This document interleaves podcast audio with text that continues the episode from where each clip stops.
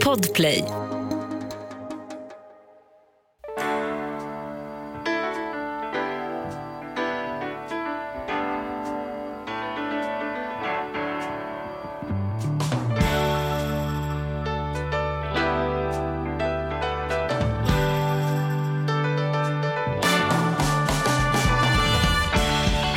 Hej och hjärtligt välkomna till Ekonomi på riktigt med Charlie och Mattias. Helskotta vilken fart det är på dig idag. Ja, idag är det fart. Ja, det är Ja. en riktig kulspruta idag. Kul Ja, att se dig kompis. Ja, ja, det är mycket sport nu i mitt liv. Är det så? Ja, massor. Massor, massor, massor. Går det i vågor det där? Eller? För Ja, du känns som det. en konstant missbrukare på något sätt. Ja, jag är en konstant brukare, brukar Okej. det heter det ju. Mhm. Ja. Mm. Nej, jag följer alltid sport, ja.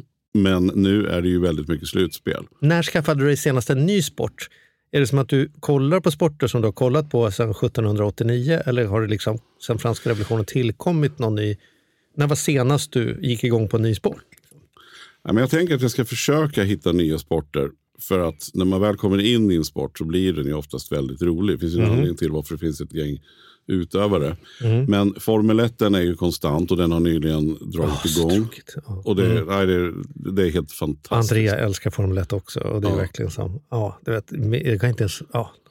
Nej, men det, det, det är liksom, ja, Mm. Ja. skitsamma, vi behöver inte gå in mer på det. Nej. Men sen har det ju varit en del rabalder här kring lite lagidrotter av, av flera skäl. Dels så, och det är väl därför vi har en sån eminent gäst idag. Mm, Det är ingen slump att Helena är här. idag. Nej, det är inte som att hon bara trillar förbi på Nej. kaffe utan Utan det ska bli väldigt intressant att höra eh, just om det här med lag. Så jag tycker att vi, vi, vi drar inte ut på det här längre. Nej, utan nej, Nu helt enkelt välkomnar vi våran Ja. eminenta och mycket trevliga gäst Helena Folker!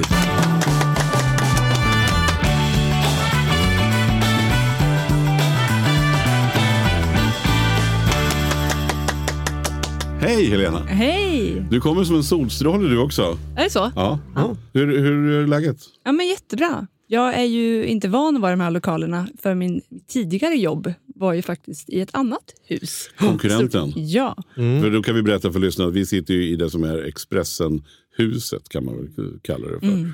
På Görvelsgatan. Och du då var ju inom Schibsted. exakt. Som är Aftonbladet. Ja. Får du kalla kårar när du går in här? Eller var du glad att vi... Är det som lagidrott, att du känner att det är lite så här AIK-Djurgården, att det hänger kvar? ja, men det är ju ett annat lag, absolut, Ja. som man har mött genom åren. Nej, men så är det inte. Det, men det är väldigt kul att vara här. Det är en härlig nu, hur var det nu? Var det ett annat lag eller inte? Du skojar du eller är det som att det lite är så ändå? Eller? Ja, men absolut. Att det, jag ja, väl ja, ja. Ja. Jo, jo, jo. Ja. Jag jobbar med en gammal Bonnier-kollega nu. Ja. Eh, Och det, vi, det kivas en del. Ja, det Eh, lever vi får kvar påminna en- oss att vi nu spelar för samma lag. Mm. Det är som landslaget, man kommer från olika klubblag och så gäller det liksom att lista ut det där. Men Schibsted är en stor koncern. Men om du ska dra då, för vi vill ju snart nog landa i vad du gör idag. Det låter bra. Men jag tänker att det är alltid intressant för lyssnaren att, att förstå ju vem, vem är det vi pratar med egentligen. Mm. Och berätta, från Linköping och basket. Eh, Ska vi ta det därifrån då? Ja, men exakt. Nej, men jag, eh, jag kommer från Linköping men har ju bott då mitt vuxna liv i Stockholm och jobbar nu som vd för Lager.se. Det är för många en väldigt välkänd liksom, föreningssystem om man har barn som har spelat i olika idrotter. Men för den som inte vet så är det liksom ett, ett föreningssystem eller ett affärssystem för idrottsföreningar.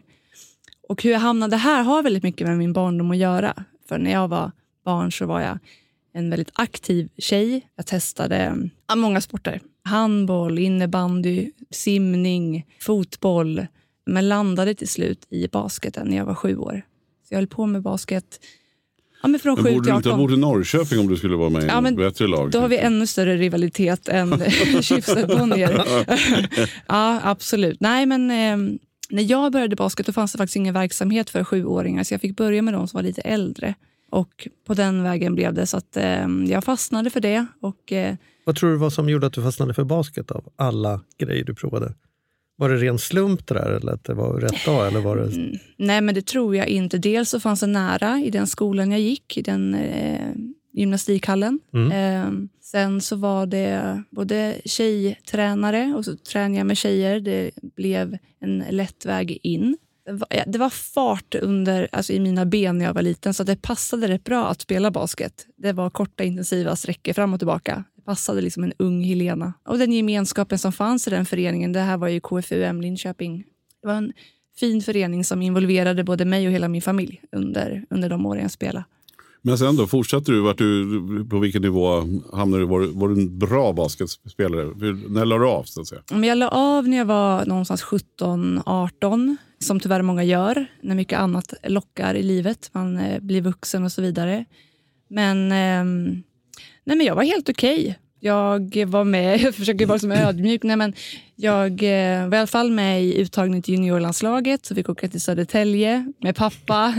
Jag älskar det. Jag fick åka till Södertälje. Det var Jävlar. stort. Ja, det var stort. Ja, men Ja, då var det liksom, Mm. för att komma då från en mindre stad och, och komma till ja, men Södertälje hade otroligt bra basketlag och Mm. där uttagningen var åtta timmar träning per dag. Och, ja, men det var stort. De har väl fortfarande en väldigt bra organisation där i Södertälje Basket? Va? Mm. Ja, precis. Men eh, tog mig inte vidare därifrån om man säger så. Och ja, Det var väl eh, den tiden i livet jag inte hade det extra och den extra växeln att lägga in. Så eh, ja, det var väl något år efter det som jag sen avslutade. Det var också på grund av en skada ska jag säga. Så att det blev lite för svårt att hitta den motivationen i den åldern att ta sig tillbaka. Mm. Mm. Och det är vanligt säger du, att man liksom, man, de som hittar in, hittar in någonstans där och sen så när tonåren Ja, står i sin peak så är det annat som blir Ja, men mer exakt. intressant. När man tittar på den statistiken som finns så är utmaningen hos just flickor att när Mhm. de når den här åldern, egentligen från 14-15 redan, så är, ser man ett större bortfall från aktiva. Men, absolut, men visst är det väl så. Jag upplever också att jag själv var duktig, inte, inte super, superduktig, men jag var eh, Sverigebra på Mm. tennis. Men när man sen kom upp i puberteten och det blev annat som lockade. Liksom. Mm. Och det är väl det som skiljer de som, som blir riktigt bra. Ja. De, de liksom klarar hela den biten och fortsätter motivera sig. Och sådär. Ja. Min son exempelvis, han är, han är 21 nu, han var också väldigt duktig, spelade TV-pucken i hockey. Mm.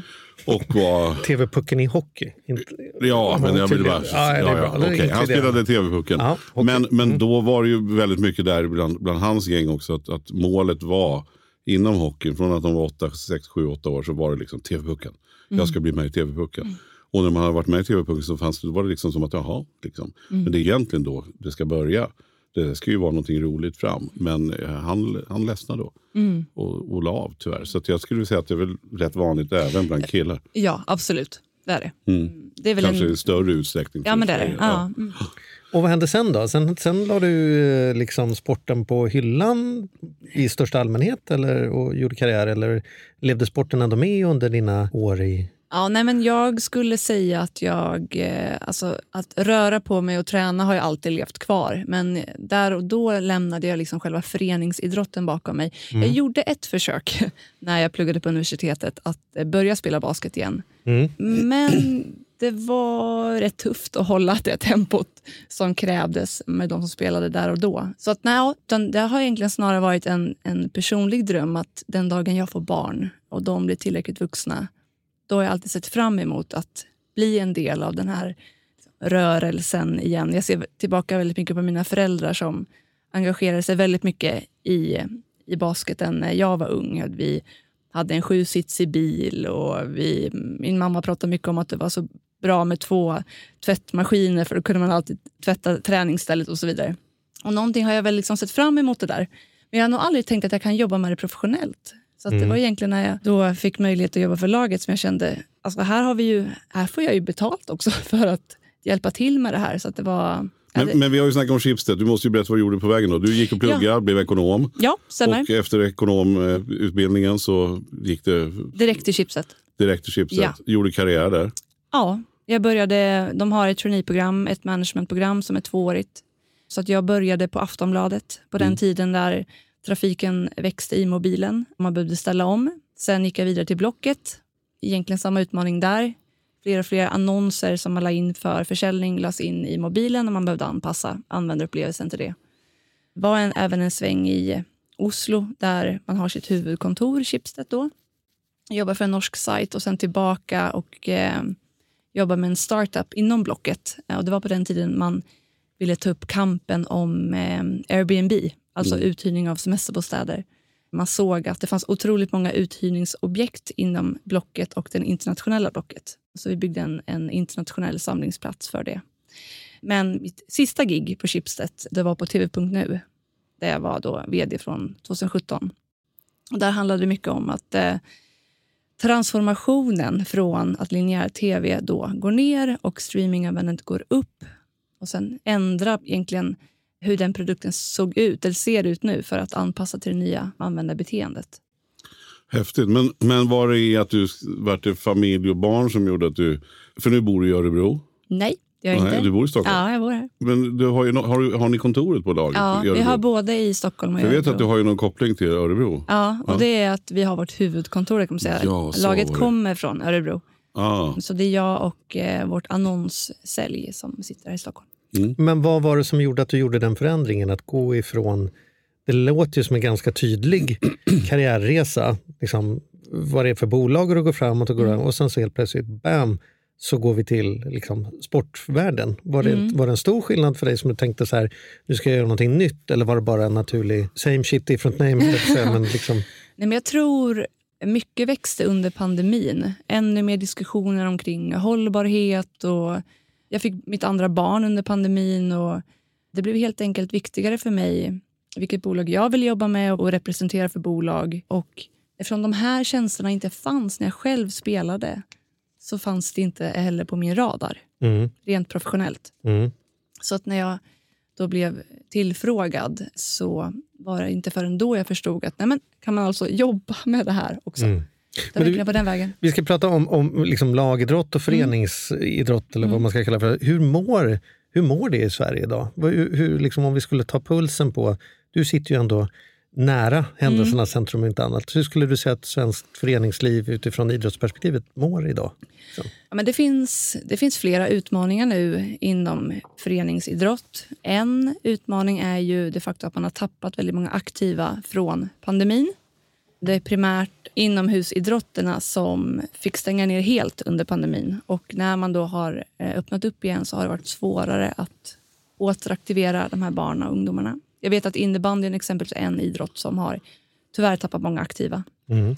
Det är skittråkigt och det är inte vad vi behöver i Sverige. Nej. Eller i något Att land folk för ser mer stillasittande? Nej, Mm. precis. Det här är väl super, super viktigt att vi håller igång och, och så. Då. Ja, men visst. Och en annan eh, utmaning som vi alla känner igen såklart är ju lågkonjunkturen med stigande priser, elpriser, matpriser och så vidare. Och, eh, tyvärr gör ju det att familjernas plånböcker minskar. Det är rätt dyrt att eh, utöva vissa typer av idrotter. Så vi såg det redan för några månader sedan att det var vissa tendenser till att familjer inte har råd. Och jag blev intervjuad då om det här och det blev enormt genomslag i media. Det visar bara på hur många som förstår att det här är viktigt och vad konsekvensen blir om våra barn och ungdomar inte får tillgång till idrott. Vi ska inte glömma bort att det är ju faktiskt vår framtida arbetskraft vi pratar om och vi vet vad det har för effekter. Så att, eh, det är en till utmaning. Och sen inte minst utifrån föreningens perspektiv så de flesta föreningarna i Sverige drivs ju ideellt. De har en begränsad ekonomi.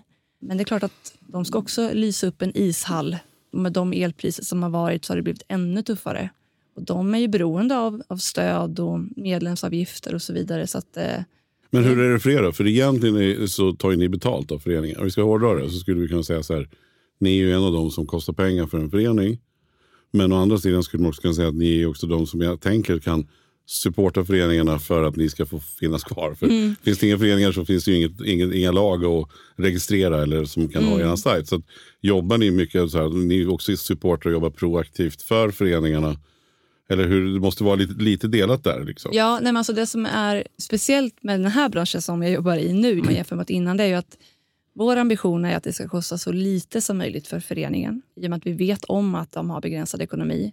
Däremot så behöver vi få in intäkter för att vi är 25 anställda och jobbar med det här. Och du är vd, du ska ju ha en fet lön också. Ja, nej. Eh, men i alla fall så behöver vi gå runt. och eh, istället då så eh, tjänar vi pengar på så kallade transaktionsintäkter istället. Och det är egentligen inte föreningarna som står för den, utan det är föräldrar som betalar 19 kronor. Mm.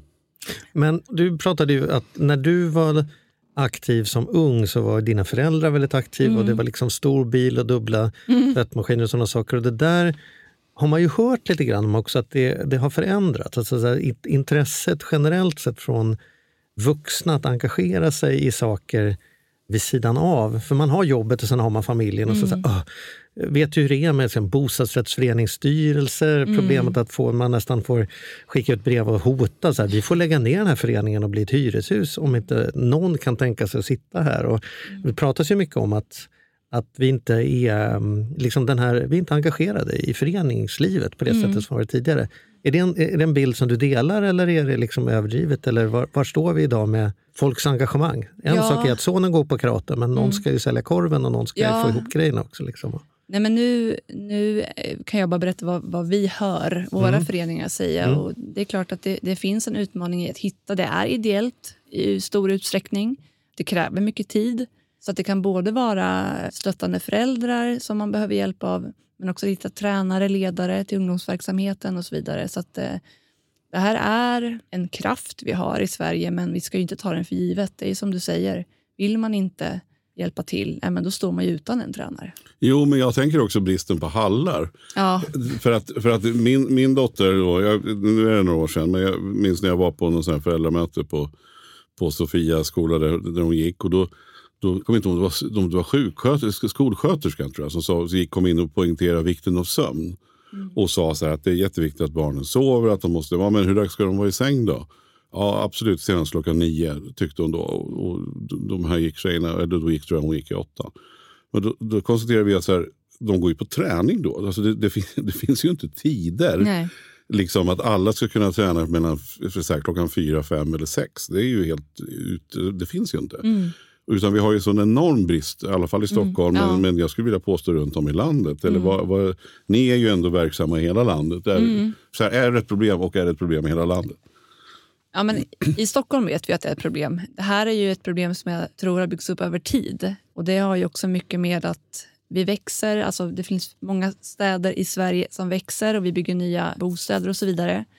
Och Ett problem med det är att när vi bygger nya bostäder så idrottens intressenter, eller man ska säga, de, är inte, de deltar inte i den diskussionen. Så tyvärr så står det inte i, i bygglagen idag att det behöver finnas en idrottsanläggning i närhet till där man bygger.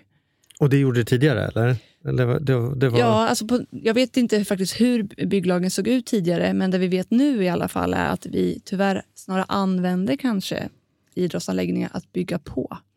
Mm. För det borde ju egentligen vara så här, per, per, varje, Per tusen, heter. Mm. per varje tusen lägenhet så måste det finnas x antal Ja. kvadratmeter hallyta. Ja, det, borde så- ju, det borde ju vara så. Ja, det kan man ju tycka. Ja. Och eh, tyvärr är det ju precis det som krävs. Det behövs vara nära, tillgängligt.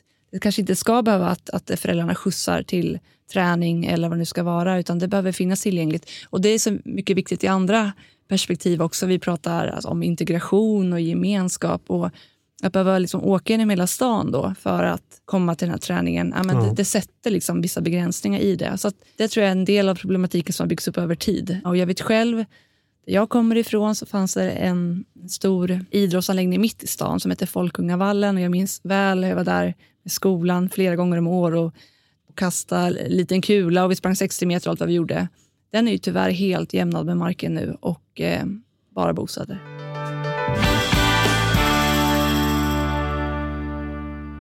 Den här podden gör vi även den här veckan i samarbete med Saveland. Fan vad kul det är att ha dem med ombord. Mm, jätte, jätteroligt. Ja, vi brukar ju prata om att man har något band som man såg. Jag stod Bo Kaspers jädrigt tidigt liksom, innan man gjort tv-debut. Och du har något hårdrocksband som du var jävligt tidig på. Ja, alltså jag var på, på Lilla Teatern Göta Lejon och såg Metallica Ja. 1984. Så gammal är jag. Och jag var i kontakt med Saveland när det fortfarande var typ tre, fyra personer där från början. När jag fick möjlighet att träffa dem. Eh, och nu är de ett stort bolag, fyller tio år, finns på börsen och jobbar helt enkelt med att vanliga privatpersoner och företag kan investera pengar eh, i eh, lån och krediter.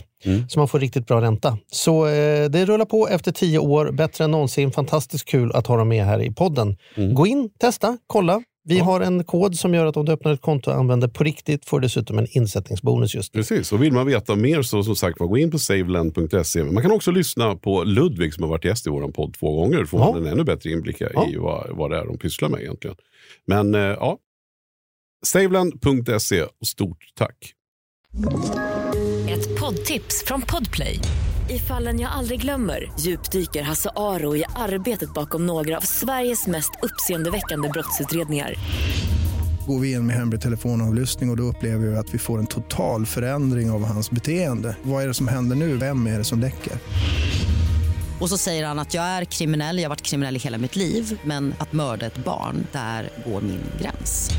Nya säsongen av Fallen jag aldrig glömmer på Podplay.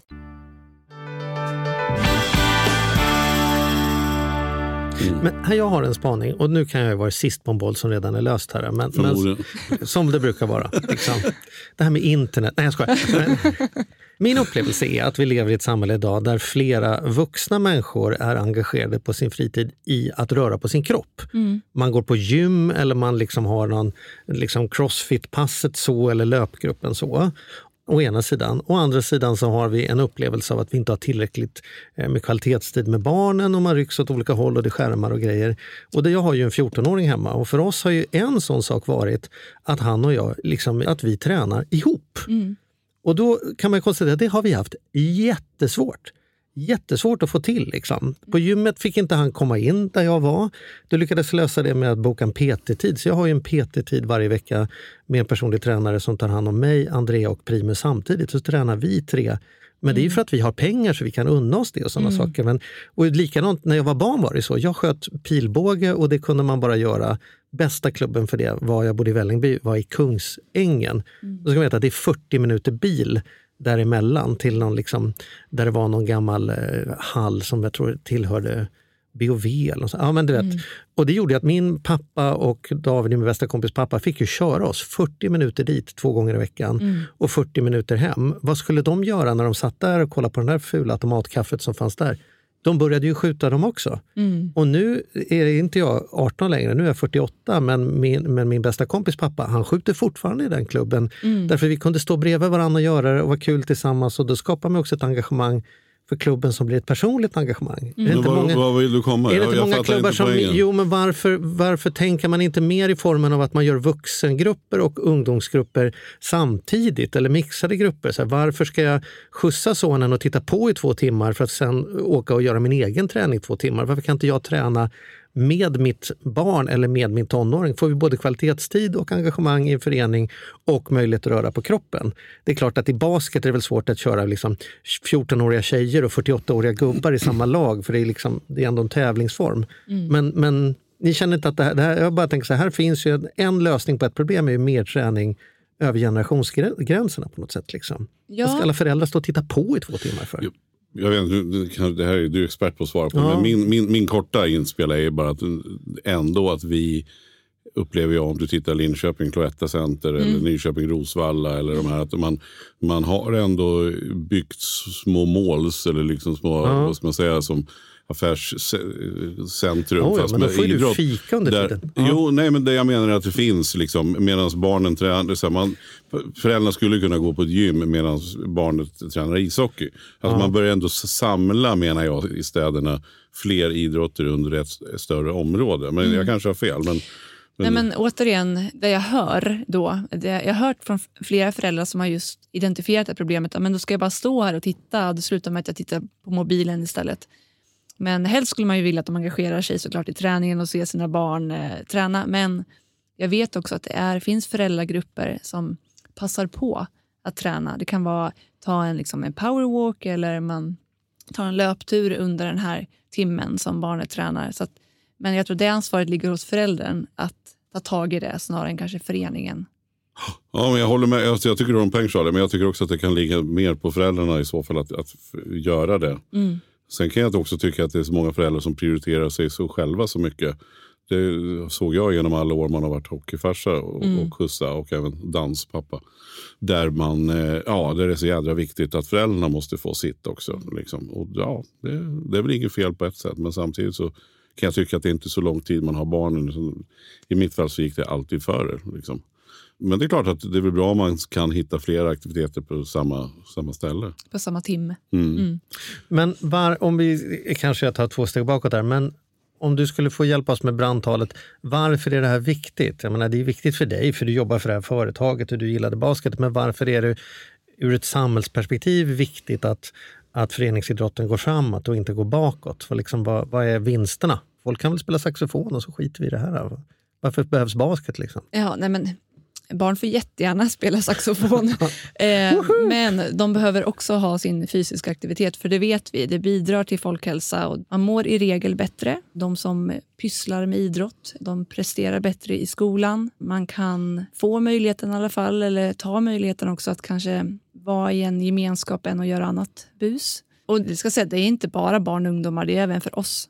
Vi alla vet att vi, även vi vuxna behöver röra på oss och vår fysiska aktivitet. Och som jag sa förut, att det här är ju framförallt man tittar på barn och ungdomar, det här är ju vår framtida arbetskraft. Mm. Vi vill att de ska må bra, vi vill att de ska utvecklas, vi vill att de ska vara starka, alltså i både kropp och knopp. Men hur, hur kan ni som företagare, jag tänker laget.se, ni är ju väldigt nära föreningarna. Jag vet också att det finns ju studieförbund, SISU till exempel, som också gör ett jättebra jobb för, för föreningar med utbildningar och cirklar och sådana saker. Men, och det finns väl säkert någon konkurrent till er, jag har inte stenkoll, men, men ändå då.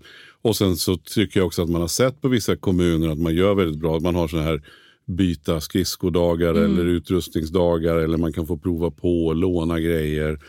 Men vad, vad kan ni där? Hur, hur jobbar ni? För för er måste ju det också vara jätteviktigt att det är, så många som är i föreningslivet som möjligt. Ju. Det, är Ja, men ju, det är ju liksom det ni lever på som bolag.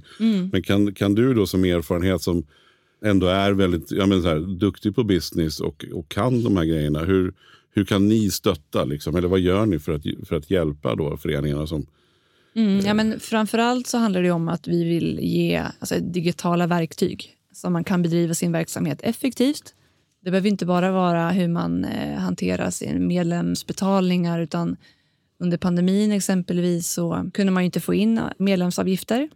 Och eh, Det kunde vara så att en, en förening behövde köpa in en ny eh, gräsklippare eller vad det nu kan vara. Då kan vi hjälpa till att bygga liksom, digitala verktyg för att samla in pengar exempelvis.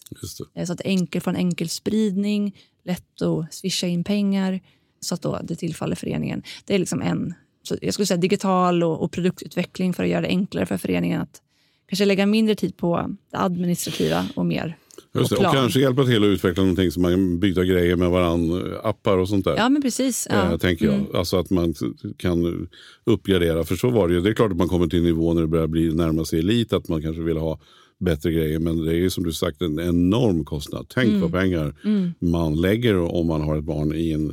Jag skulle säga att alla idrotter kostar. För det, Mm. det, det behöver inte bara vara utrustning. Det kan vara halvhyra och det kan vara alla möjliga saker. Och träningar. Upplever du att alltså den här elittänket, för jag, jag tänker förut så, så tidigare så, så känner jag som också, ja men vi är några år äldre och, och har, har ju liksom följt föreningslivet och följt även barnens då. Så. Och jag upplever att det mycket, har blivit mycket mer så här jaget före laget. Att Man åker på egna camper som kostar pengar, man, man är mindre lojal mot sin egen förening. Ja, men också, Eh, också bara den här, grund, också den här grundsatsen.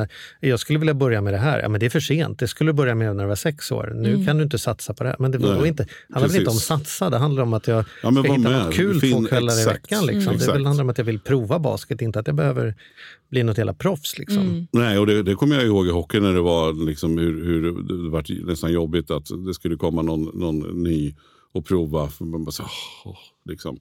Och att det blir så mycket fokus på att vinna, hela den här hetsen. Vad tänker du om hetsen? Vad, vad känner du om hetsen kring, kring liksom, är det det som det är inte ditt jobb, men påverkar? du kan ju tycka något. Nej, jag menar det. Det är verkligen inte ditt Ja. jobb. Men det är kul att prata med någon som är så insatt i föreningslivet. Ja. Det är inte alla dagar man får träffa någon sån. Nej, men, man, nej, men det, det ser vi ju. Vi, vi ser att man väldigt tidigt försöker liksom identifiera talanger och man kanske sätter dem i ett eget lag och så vidare. Jag tror väldigt mycket kommer från föräldrarna också måste jag säga. Att det är, vi, vi har själva sett liksom, föräldrar på, uppe på läktaren som eh, vissa hejar på och vissa liksom, pushar. Jag tror mycket kommer hemifrån också vad man, vad man har för ambition liksom, med sina barn. Om man vill att de gör det för att ha kul eller för att man kanske har en egen dröm som ska leva vidare i sina barn. Jag tror det är väldigt mycket individuellt. Men alltså, för vissa är ju slutet att bli en idrottsstjärna också. Eh, så att det, det här kanske är en baksidan med att vilja bli en sån.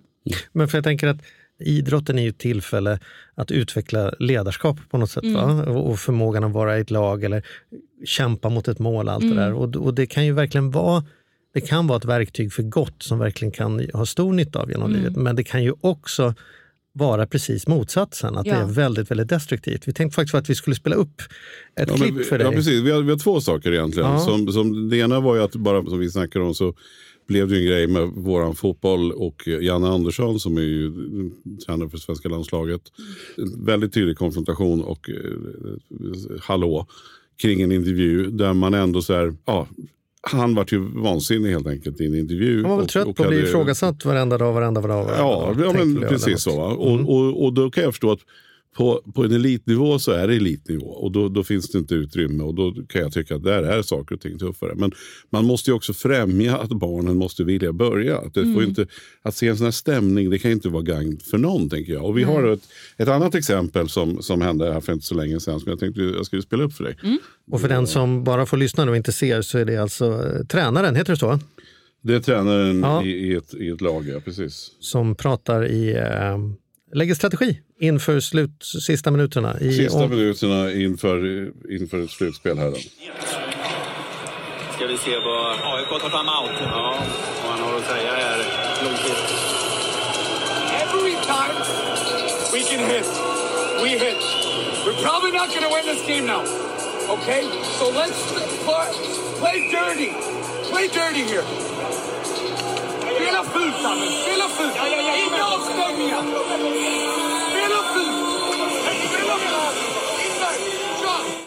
Det här är ingen tokig farsa, utan det här är en professionell tränare som konstaterar att vi ligger under med 5-1. Åka ut och skapa skador på de andra spelarna så vi har bättre chans när vi ska möta dem om några dagar igen. Eller tolkningen var Nej, det är min inte skadad, tolkning. Ja, Spela tolkning. fult. Spela fult. Ja. Inga avstängningar, men spela så fult Vad känner du när du ser det här? Nej, men det känns ju inte jättebra. Eh, Men jag försöker tänka att det här är på elitnivå. Hans jobb står säkert på spel om de skulle förlora. Men jag tycker inte att det är ett bra beteende. Men eh, ja, hoppas att inte det förekommer allt för mycket för hos barn och ungdomarna. För det Ja, kan ju jag verkligen tänker- locka fram det sämsta i människor och Ja, men bästa absolut. människor. Ja, ja. Och det är inte självklarhet att de som anmäler sig först i en frivilligorganisation är de som är mest balanserade och lämpade att liksom göra detta. Jag vet inte, det finns ju många säkert fantastiska Mm. Inspiratörer där ute, men det finns ju också en del som vi alla träffar på, både på läktarna och, och nere i Ja, båsen, som känns som att vad, det här är inte... Nej, de har ju ingen arbetsintervju direkt liksom. innan. Nej, men jag menar bara att det här kan ju inte främja lag, alltså idrotten. Alltså på Nej. ett sätt att man tänker oj vad kul, jag vill att min son ska börja spela hockey. Ja, nej, men inte ur, ur coachens perspektiv håller jag helt med om. Men däremot får vi inte glömma bort de ändå som sitter på bänken där och spelar. Det är ju förebilder för många barn och ungdomar. Och eh, där får man väl försöka skydda då barnen och vad de ser. Jag ser ändå mycket mer positivt, eller det är mycket viktigare vad faktiskt förebilderna, hur de beter sig också, alltså de spelarna på plan. För det som hände efter det här då, det här var då i, i sista perioden i en, en match då. Mm. Och det som hände sist, de sista minuterna så var det 43 utvisningsminuter. Varav en var en 10 minuter ska Mm. tilläggas. Då. Men alltså det var ändå 43 minuters Ja, utvisning. de tog sin coaching av, ut av resultatet av den här coachningen. Mm. Mm. Ja, men det är ju ja, det är inget bra. Nej, det är inget bra. Men, är men hur, läskigt. Mm. ja, det är verkligen superläskigt. Så, så, men nu ska vi se ljust på, Ja, på, du kan få önska dig lite. Ja. Vi är ju inte kända för det, men i hemlighet kan jag berätta att vi har liksom så här lampan här med Aladdins ande i. Här. Om du skulle få önska dig några saker som på riktigt hade gjort skillnad för föreningsidrotten, vad är det du skulle önska dig? Liksom, skicka in någonting i framtiden här. Vad vill du se? Nej, men jag, jag skulle gärna vilja se att det inte ska behöva kosta 1800 kronor att lära sig att simma. Mm. Det är ändå ett sätt att eh, motverka att man liksom inte dör. Mm. Bästa livförsäkringen man kan Ja, ha. ja. Och jag vet man lär sig det i skolan, eller man har möjlighet att lära sig i skolan, men jag tänker mina barn, jag har ju en treåring, hon är ju i vatten hela tiden. Men så det är just att det inte ska behöva vara så dyrt. Mm. Eh, Men det, det, Vad är lösningen på det tror du? Då? Ja, men det kräver ju då att föreningens kostnader sjunker. Jag vet inte om ni vet det, men majoriteten av de som jobbar för en förening, det är ju ideellt. Mm. Vet ni vad det skulle kosta samhället om man skulle behöva ge dem en lön? Nej, det är en spännande fråga. Ja, det måste, om- alla som jobbade ideellt fick Ja, en, affärsmässig ja, lön. en um, lön i eh, paritet med en fritidspedagog. Mhm. Vad skulle det kosta? Oj, oj, oj, ja, vi pratar säkert miljarder. Mm, det gör vi. 20 Åh herregud. mm, varje år. Så att på ett sätt vill man ju inte heller... Man är väldigt tacksam för det engagemanget som de här ideella tränarna och ledarna ger till föreningsidrotten. Det är ju också ett sätt att hålla nere såklart kostnaden till, till familjerna. Men, ja, men det är väl någonting jag önskar mig. Sen är väl andra hallar. Fler hallar, Fler hallar. med flera Och- timmar ja. eller Kan det inte vara så att, att eller- laget.se, ni som har den här som jag säger, businesskunskapen, att ni skulle kunna liksom, det kanske är en fråga för någon annan, men att kunna hjälpa till att skicka in en ansökan till kommunen om bidrag eller att vi behöver ha en hall eller att alla föreningar i en stad gick ihop. Ni har ju ändå gemensamt att ni känner både liksom bågskytteföreningen och eh, bowlingen och alla. Att man gick tillsammans och sa vi måste få ett, en, en Som ett multihall lag, här. lag1.se. Liksom. Ja, Ja. just det. Ja, men Nej, men förstår du vad jag menar? ja, Jag bara ja. tänker att ni, om, om, för vi vet ju som du säger vilket fantastiskt jobb alla ideella Ja. Mm. människor gör där ute. Och sliter så jädra hårt. Man blir ju liksom, ja, jag får gåshud varenda gång man tittar på sådana här reportage. Där liksom folk som, som ställer upp och gör Mm. saker. Eh, och också föräldrar som, som det jag också vill uppmana till att även om man inte kan vara tränare i ett hockeylag eller ett, i ett basketlag så kan man säkert hjälpa till med någonting annat. Mm. Ja, alla föräldrar behövs ju. Men, men ni då som ändå är en kommersiell produkt och, och vi tror ju på, på kapitalismen här i podden. Ja, vi har i alla fall inte hittat på något bättre alternativ. även om vi kanske inte tror på den. Så inte. Ja. Men, men jag bara menar att kan bolag, skulle ni kunna göra mm, ännu mer skillnad tänker jag. Alltså med, med sådana saker som att supporta föreningen. Jo, men det, det, det är klart vi kan det. Men samtidigt så tycker jag att det här är någonting som snarare skulle ligga på liksom, samhället, vi pratar kommuner, eh, beslutsfattarna. Att det här är nog ingenting som ska fortsätta drivas av eldsjälar eller vi som brinner för att jobba med det här. Utan vi har en idrottsminister, eller en som jobbar med idrottsfrågor i alla fall. Det bör ligga på den personens bord kan jag tycka. Ja, det tycker vi också, eh, absolut. Men man vet ju ibland vad ändå liksom bra bolag kan, kan göra och kan hjälpa till. Ja, men precis. Vi har ju gjort andra saker också för att ändå hjälpa till eller dra vårt strå i stacken. Och vi har ju någonting som heter Hitta idrotten. Och det är ett sätt i alla fall att där man som förälder kan gå in. Jag har min, mitt barn är den här åldern och vi bor i den här kommunen. Och så åtminstone visualiserar vi men vad finns det för föreningar i din närhet. För att det kan ju vara så att man vill testa bågskytte när det inte finns i närhet. Det är inte helt lätt att hitta heller vart det är ju jättebra, Mm. jättebra grej. Jag ska också kunna tänka mig som förälder så har jag ju ganska mycket påverkan av liksom att jag tror många kanske har det som jag haft att mer eller mindre behöver sparka ut sonen. Så att du måste göra någonting, du får inte bara sitta hemma och gamea. Hade jag då haft det lätt tillgängligt, det som du pratar om, vad finns i närheten? Och säga, det är 400 meter ditåt finns det ett karatecenter, liksom 800 meters. Du, vet, det kan, du kan fan cykla ner här så finns det en basketklubb. Det, det hade kanske varit enklare än att börja, vad vill du göra? Och den säger, ja, curling. Och så, ja, då var det Kungsängen här. Alltså liksom, ja, Ja, men då är det väl jättebra. Ja, men då är det Mm. hittaidrotten.se. Och hittaidrotten.se. Ja. Ja. Det slår vi slag för. Ja. Mm. Och men det är ungdomsidrott då? Jag, du, har- jag kommer inte hitta något ställe där jag och Mattias kan börja med... Eh, Men gå-fotboll Gå- finns. Ja, men hittar man det där inne? Tack, tack för det. Hon tittar lite på oss och säger bara, gå-fotboll kanske? Gå-fotboll Ja, ja finns. tack. Ja, vi fattar. Men jag menar, Men, men jag menar bara att det, den inkluderar ju alla. den inkluderar alla? Mm. alltså. Ja. Okej, så det är inte bara för Även ungdomar? oss. utan- Ja. Alltså vi tränar, du tränar ju tennis Ja, hela ja, tiden. ja, det- ja. Absolut. Mm. nej, men, eh, alltså, vad härligt. Det är tänkvärt, verkligen. Mm. Och, och som sagt var, gå in där på Hitta din idrott. Ja. Och stötta de föreningar Ja. som finns nära. Det, Precis. Man- Och sätt, sätt ungarna i föreningen och eh, sätt er själva i föreningen. Men Mm. sätt ungarna först kanske. Ja, men jag tänker många vuxna pratar ju om att det är svårt att skaffa nya kompisar när man är 40. Liksom. Då är det väl här ett ypperligt sätt liksom, att bara hänga kring föreningen där kidsen hänger gör ju att det är andra föräldrar med samma förutsättningar. I Vips så har man, Mm. har man nya Och för er som vänner. lyssnar som har företag så går det alldeles utmärkt att sponsra Ja, föreningen. visst. Det tar föreningarna tacksamt Ja. emot. Och är du kommun och lyssnar så kan du köpa upp alla de här kursade paddelhallarna så kan vi göra om dem till olika typer av idrottscenter. ja, de, blir för, de blir ju föreningar nu. Ja, ja, det det kommer bra. något gott ur allt. Ja, det var jättespännande och det här skulle vi kunna prata mer om. Ja, det men eh, det här med både föreningslivet och idrotten är någonting som känns otroligt viktigt för Sverige in i framtiden. Tack så jättemycket för att du kom. Tack själv.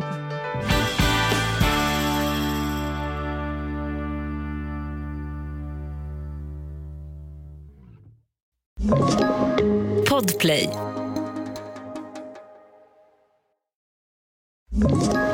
Ett poddtips från Podplay. I fallen jag aldrig glömmer djupdyker Hasse Aro i arbetet bakom några av Sveriges mest uppseendeväckande brottsutredningar. Går vi in med hemlig telefonavlyssning och, och då upplever vi att vi får en total förändring av hans beteende. Vad är det som händer nu? Vem är det som läcker? Och så säger han att jag är kriminell, jag har varit kriminell i hela mitt liv men att mörda ett barn, där går min gräns. Nya säsongen av Fallen jag aldrig glömmer på Podplay.